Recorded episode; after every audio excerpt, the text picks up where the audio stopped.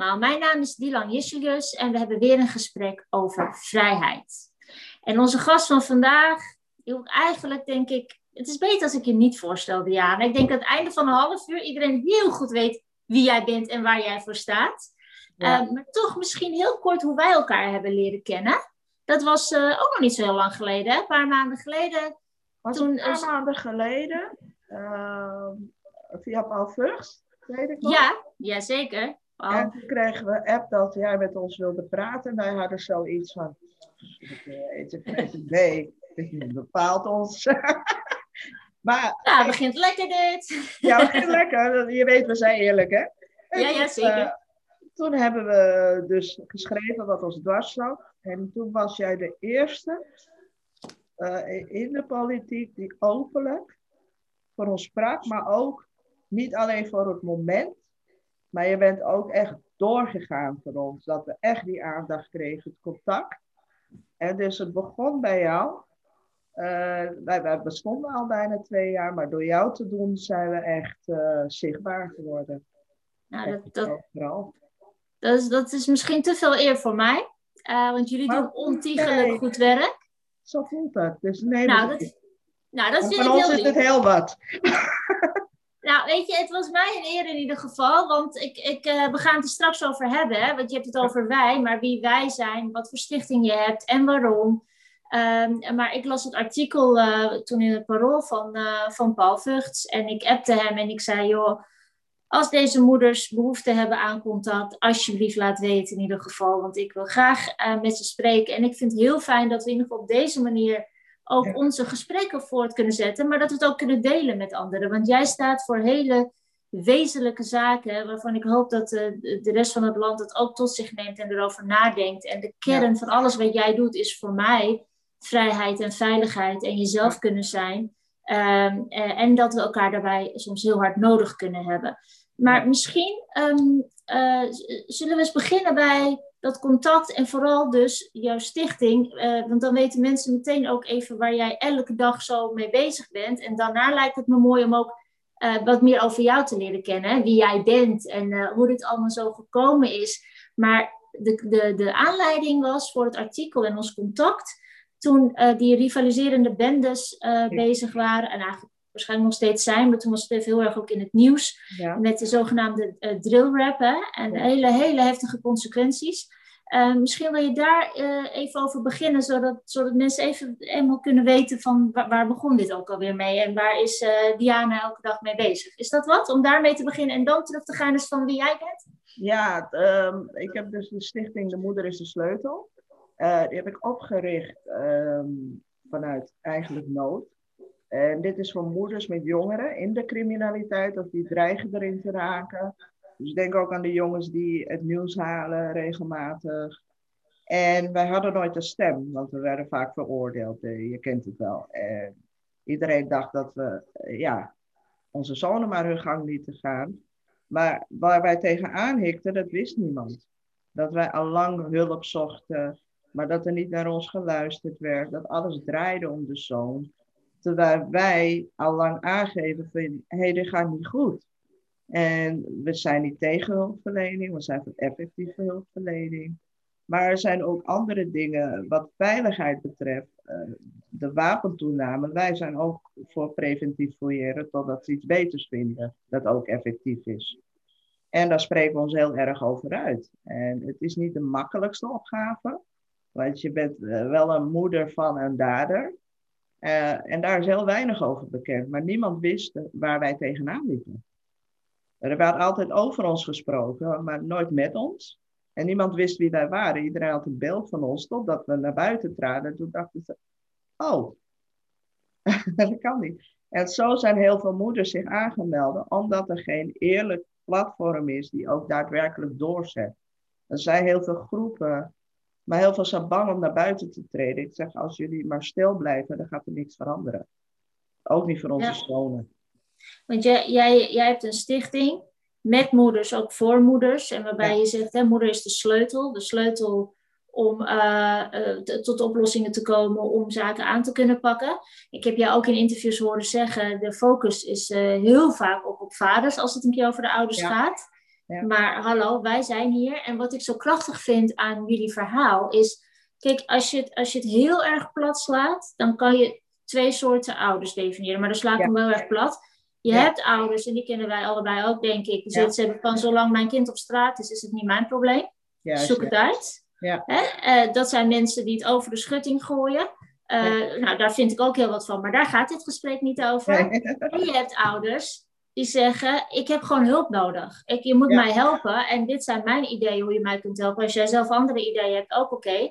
Ja. Maar dit is gewoon heftig. En het artikel uh, waar we het over hebben, uh, een paar maanden geleden, maar jullie hebben vaker de media gezocht. En gelukkig maar, stond ook: onze, onze kinderen gaan dood, maken elkaar af. Ja, het gaat echt over leven en dood. En, en dat je dan zo heftig aan de bel trekt en zegt: Ik ga ook niet opzij. En uh, met gevaar voor eigen leven zo zichtbaar bent. Uh, dat vond ik heel erg um, aangrijpend ook, weet je wel. Dat je zegt: Ik kan niet anders meer dan naar voren stappen en zeggen: Dit ben ik. En je moet, je, je, moet, je moet mij horen, je moet mij helpen. Maar dat heeft ook veel gevolgen voor jullie, natuurlijk, voor je eigen persoonlijke vrijheid. Ja, ik de, de dreigingen. Uh, ik ga eerlijk zijn, we zijn niet uh, bang uitgevallen, eerlijk.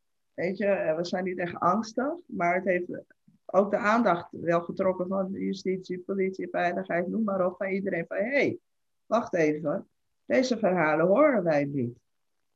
Ja. En omdat die verhalen meestal worden geblokkeerd. En daarom ben ik ook gaan spreken. En tuurlijk, uh, ja, ik heb heel veel moeders die, die weet je, zoals je weet, de zonen halen de krant, die vaak bedreigd worden. En daar hebben we ook moeite mee. Ook bang om aangifte te doen. Dus alles zoeken we uit van hoe kunnen we dat doen. Uh, om toch aangifte te kunnen doen uh, zonder dat het gezin gevaar loopt. Want het, het, het gevaar is realistisch. Hè? Want ja, dit, is, dit, gaat echt over iets, hè? Ja, het is, niet, uh, het is geen film, het is gewoon realiteit. Niet alleen moeders worden bedreigd, mijn broertjes en zusjes, andere familieleden, vrienden, noem maar op. En ik denk, dit is de soort geworden. Dit zijn kinderen. Waar, waar gaat dit over? En dan... En, en we moeten misschien niet te veel op die bedreigingen concreet ingaan. Nee. Maar daar gaat het niet over uh, uh, scheldpartijen online. Dit nee. zijn hele heftige zaken. Ik heb, ja. ik heb ook uh, dat kunnen zien. En dit, dit is echt uh, heel, heel dapper dat, dat jullie zeggen. En ik laat me niet intimideren, maar dit, dit is, ja. het is heel heftig wat tegenover je staat. Het is zeker heftig, maar uh, angst is een slechte raadgever. Weet je, en angst houdt je dan gevangen om verder stappen te ondernemen. Dus angstig zijn we niet. Weet je, we hebben allemaal de houding van: weet je wat? Als het met tijd is, is het met tijd. En als dat niet zo is, dan heeft iedereen een probleem, want we gaan gewoon door. En, en, en dat is die kracht die we uitstralen en waardoor ook meerdere ouders komen. En dat ze zich veilig voelen bij ons. Wat eigenlijk apart is, want ik, ik heb geen wapen, niks. Ik heb alleen mijn mond. en ik, ja, ik, die kan ook heftig zijn, heb ik geleerd. ja, ja, ja, ja, dat zeggen velen.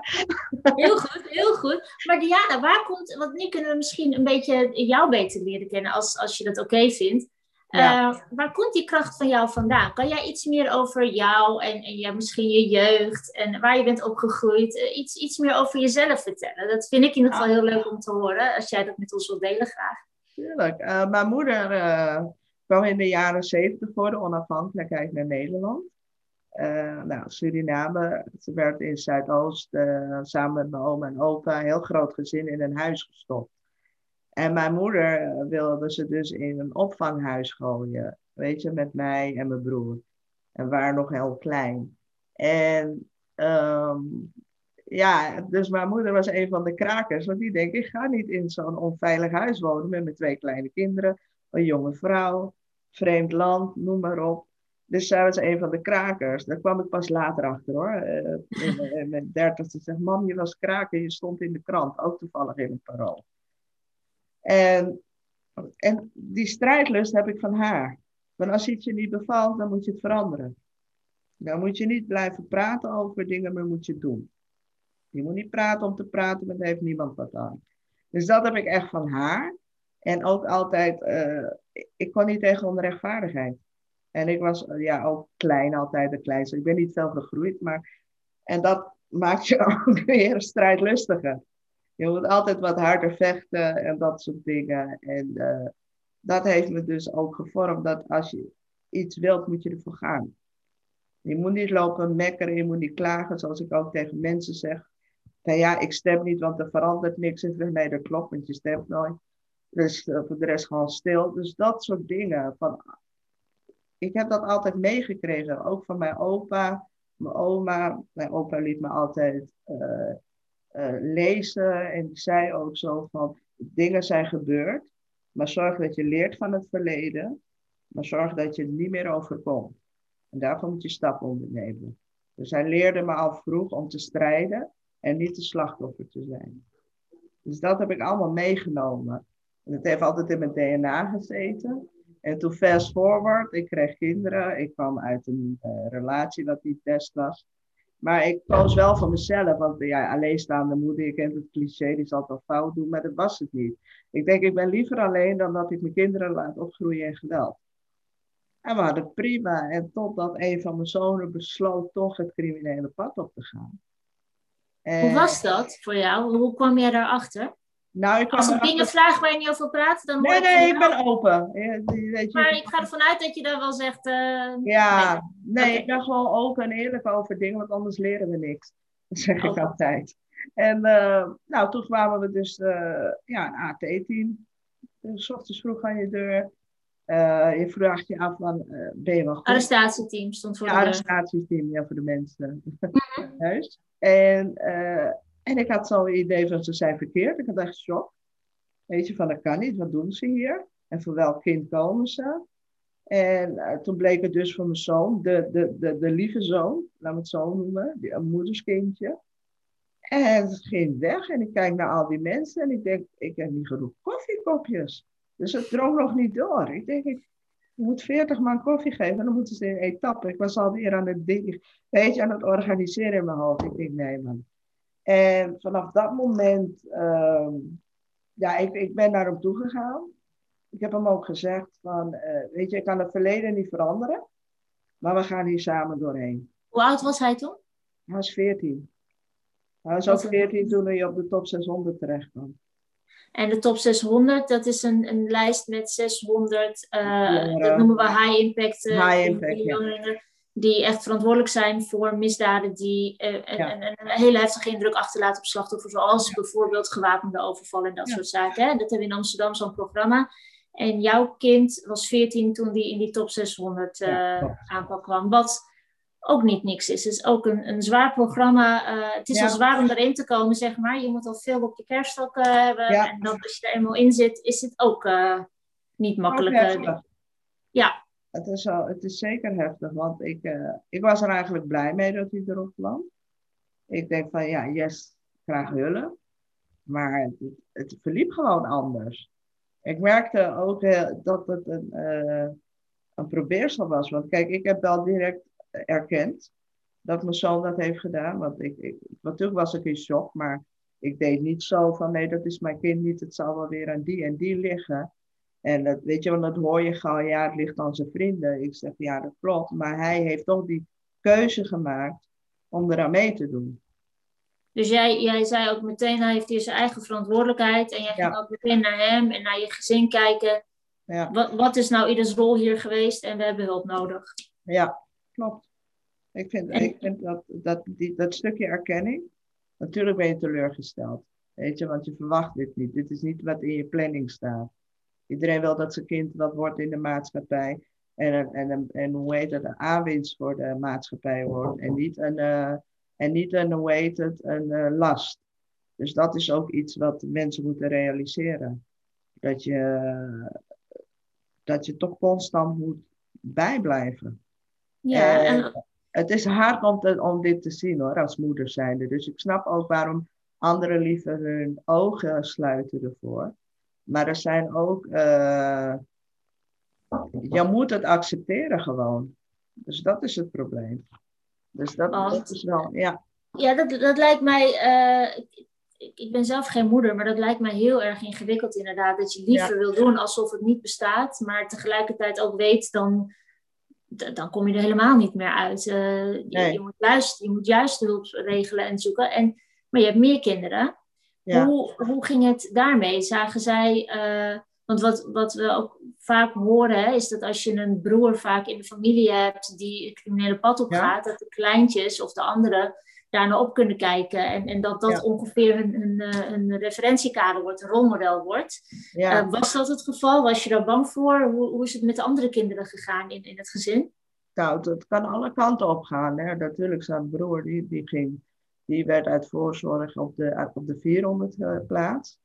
En dat is weer een andere lijst dan de broertjes en zusjes, om te voorkomen eigenlijk dat ze naar de 600 gaan en uh, zeg maar de echte foute kant op gaan. Dus dat ja, correct. is eigenlijk, hè? Ja. ja, maar doordat hij juist op die lijst en hij snapte dat niet, waarom sta ik erop, ging hij juist criminele dingen uithalen. Want hij denkt van, ja, weet je wat, uh, hij snapte dat niet. En dat vond ik wel jammer van de 400, dat je die label op krijgt.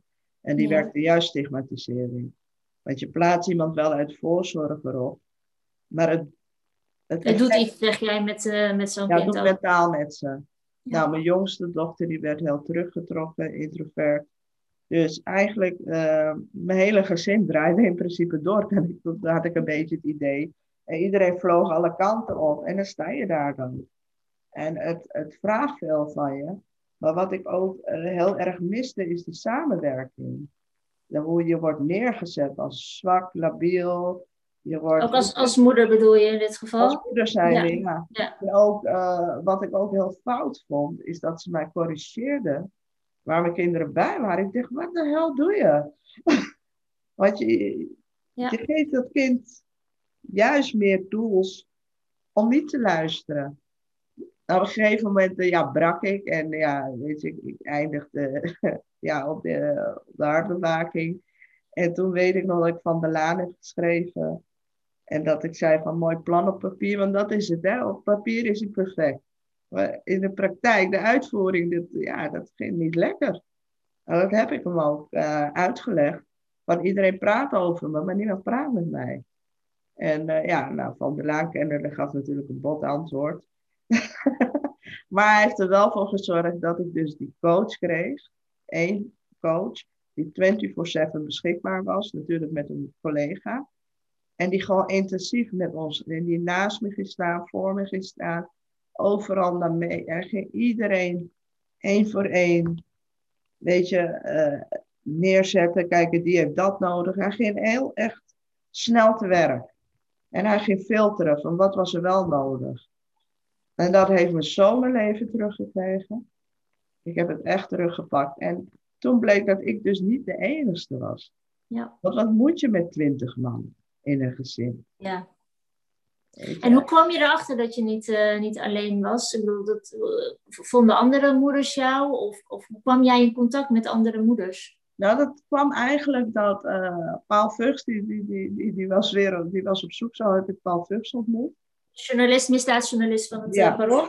Al, al denk ik dat iedereen hem kent, maar toch? Ja, ja ik vind dat iedereen hem moet kennen. Maar... En hij, hij had dus uh, gevraagd om een moeder van, met een zoon of kind in de 600. En toen hadden ze mij gevraagd, want ze vonden best wel dat ik wel een goed verhaal had. Dus ik heb het verteld. Dus ik dacht, nou ja, daarna ga ik verder met mijn leven. En toen kwamen de brieven. Maar ook van de mensen, waarvan de zonen ook in de 600 hadden gezeten. En toen begon ik te zien wat er niet goed ging. Ja. En ja, daar zat niemand op te wachten op mij. Van dat ik wel durfde te praten en kritiek durfde te geven. Van hé, hey, dit gaat niet goed, dit moeten we anders aanpakken. Betrek die ouders erbij. En je, sorry hoor. En je ziet, en je ziet gewoon, ik zie overal hetzelfde patroon. Dat die ouder wordt buitengesloten of niet serieus genomen. Weet je, ja. Ja. Dus, dus eigenlijk wat, wat de stichting doet, is echt heel breed, hè? Heel veel volgens mij.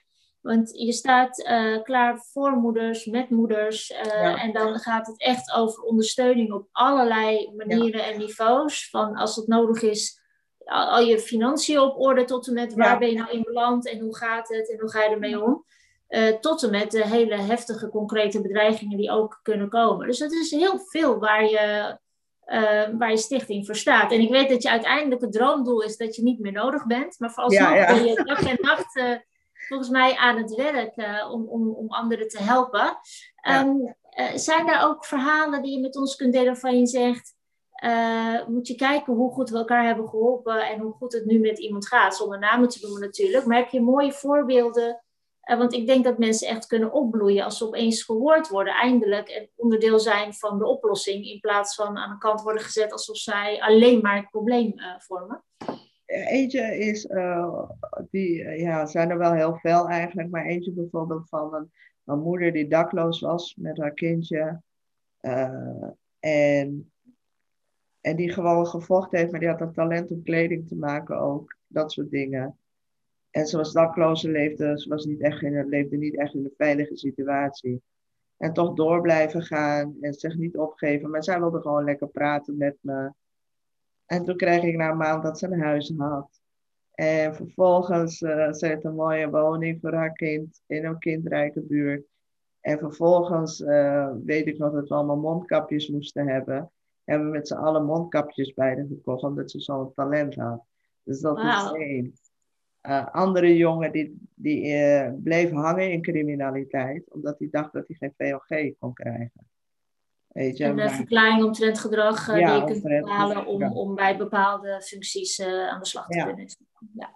Dus ja, je weet hoe dat gaat. Dat denken ze, wij noemen ze BSN-nummers. Toen zijn we toch aan de slag gegaan voor hem. En nou, eerst inkomsten geregeld. Nou, hij wilde toch graag werken, maar hij wist niet dat je VOG, zienswijze, hij kende dat niet, maar wij wel. Want we werken ook samen met advocaten. En hij heeft me echt hel gegeven. Dat was ook een ik ben niet zo groot hè? en hij irriteerde me, maar ik ging hem echt opzoeken van nou, je komt terug, je bent gewoon zat. Je moet naar die afspraak, gaan samen.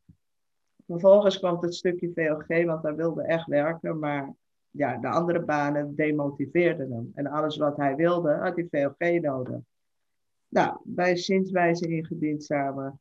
Vervolgens uh, via de rechter en zijn VOG komt eraan. Hij dacht dat het weer een afwijzing was. Dus we hebben het samen open gedaan.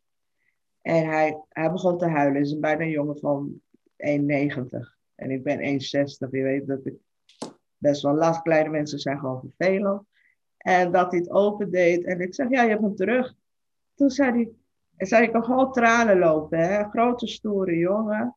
En hij zei zo van, sorry dat ik u kleine lastig riep. noemde steeds. maar hij heeft nu wel een baan. En hij, uh, hij, is, uh, hij kan dus gewoon weer doen waar hij goed in is. En ik kijk ook van, weet je, wil je?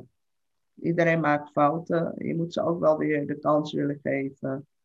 Als ik ook zie wat alles bij ons binnenkomt. Dus alles waar ik van zie dat criminaliteit uit kan ontstaan, armoede, noem maar op, probeer ik toch op te lossen, zodat het niet verder gaat. Waarmee je dus, en dat doe je dus als ik je zo goed hoor, door mensen uh, perspectief te geven, door ze een uitweg te bieden. En dat kan zo uh, in onze ogen misschien klein zijn als het regelen van een VOG. Maar als je niet weet ja. hoe en waar ervan uitgaat dat je hem toch niet krijgt, maar toch blijkt dat je hem wel zou kunnen krijgen. Of ja. dat, zijn, dat kunnen hele grote hobbels voor mensen zijn die dat niet hoeven te zijn, die hobbels. Dus dat is wel uh, heel bijzonder en heel sterk. Uh, dat je dat ook kunt regelen. Samen, samen met moeders dus. Want je doet het niet in je eentje. Nee. We vormen echt een, groep uh, actieve moeders die zich niet uh, weg laten Nee, we laten niet uit de weg slaan. Ik heb één moeder die, die, die zo goed met het sorteren van post. Die andere die kan brieven schrijven. We werken ook natuurlijk met professionals zoals uh, een, een bewindvoerder. Want natuurlijk heel veel jongens die proberen dus op hun manier hun schulden op te lossen. Wat niet de juiste manier is.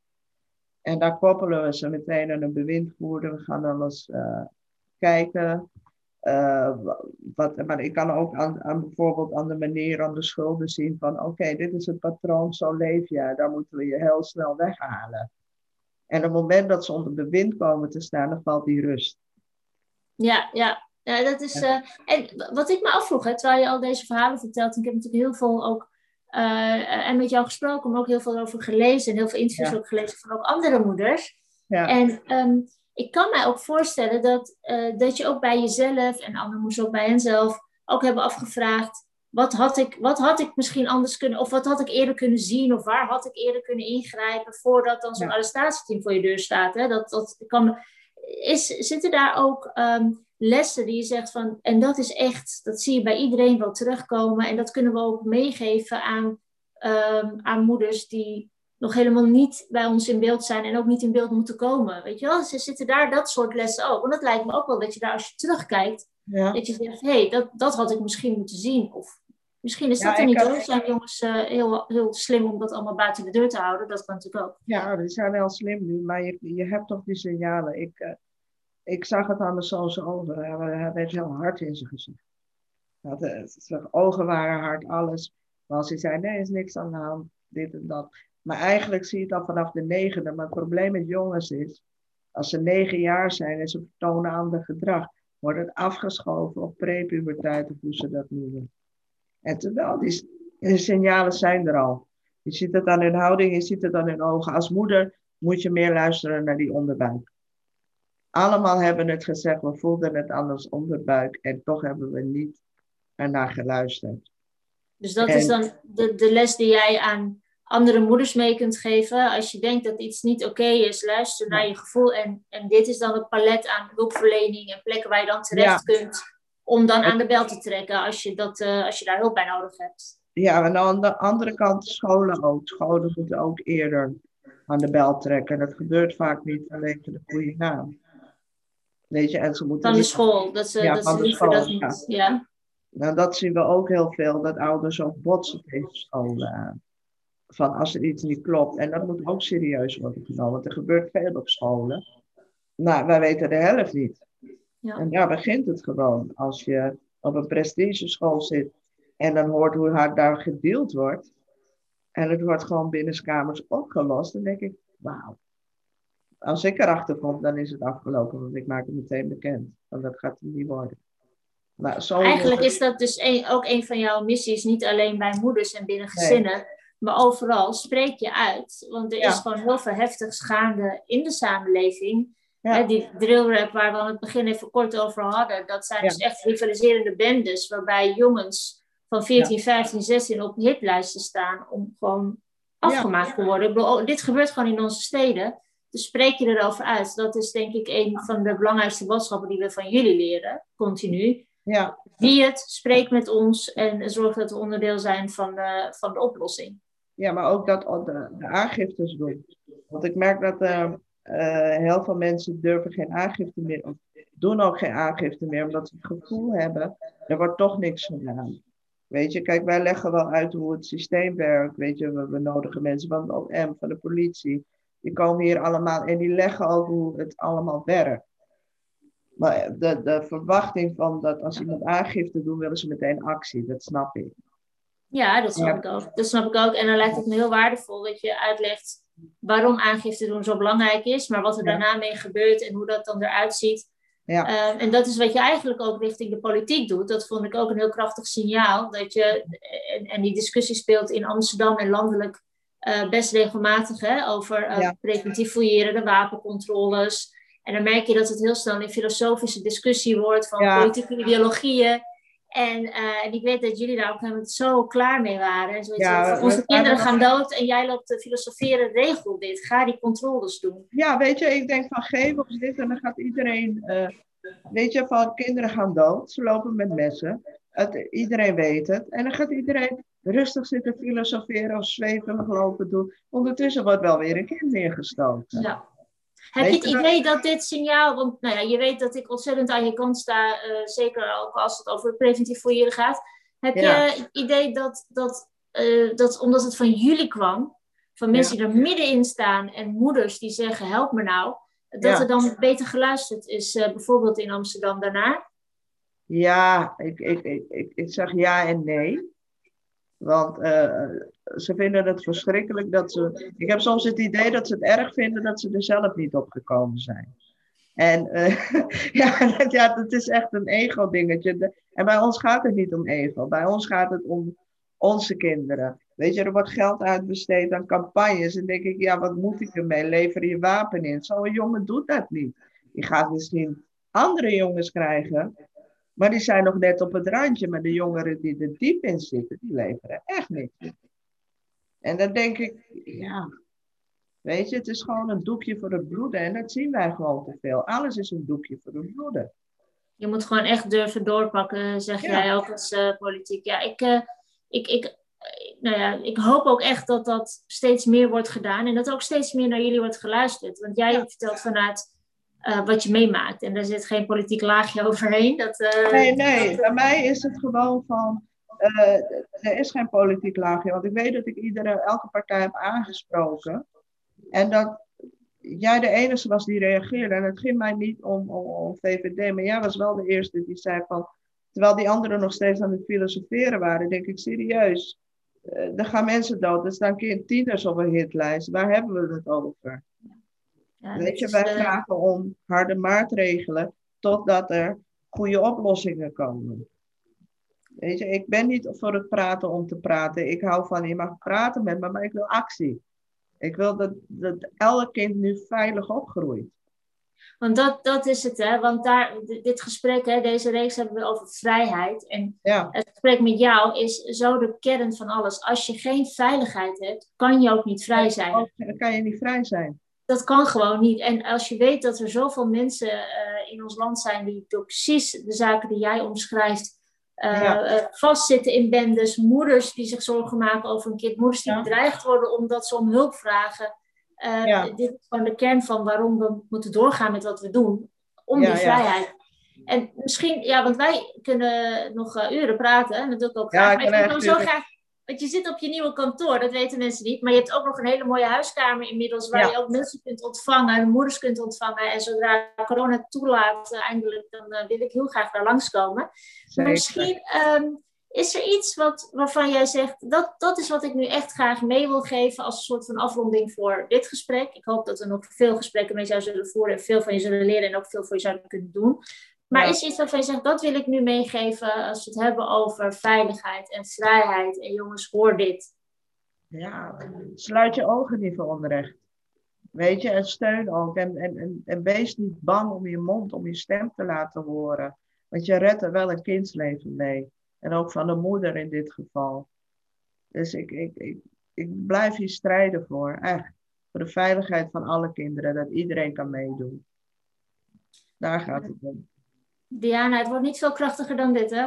Dus nee. echt dank je. Dank je wel dat je dit met ons wilde delen. Want het blijft een heel erg uh, persoonlijk verhaal waarmee je ja. ook nog steeds jezelf natuurlijk wel daar neerzet. Uh, en ja. ook voor mensen die er nodig van worden dat je het er zo over hebt. Dus dank je wel dat je zo dapper bent en blijft en dat met ons wilde delen. En met, uh, nou ja, ik, ik, ik, hoop, ik hoop dat we elkaar gewoon snel zien en dat we door kunnen gaan met alles op alles zitten om ervoor te zorgen dat je straks je hele stichting niet meer nodig is. Want dat blijft het doel, toch? Ja, dat blijft het doel. Ik wil lekker gewoon uh, gaan tuinieren en zo. Echt waar? ja. Dat moet niet gebeuren, maar oké, okay, het doel houden we wel vast. Of dat is, maar nogmaals, heel veel dank. Jij ook bedankt, Dylan, voor alles en ook namens alle moeders. We hopen je gauw te zien. Dankjewel. Doei. Doei. En ik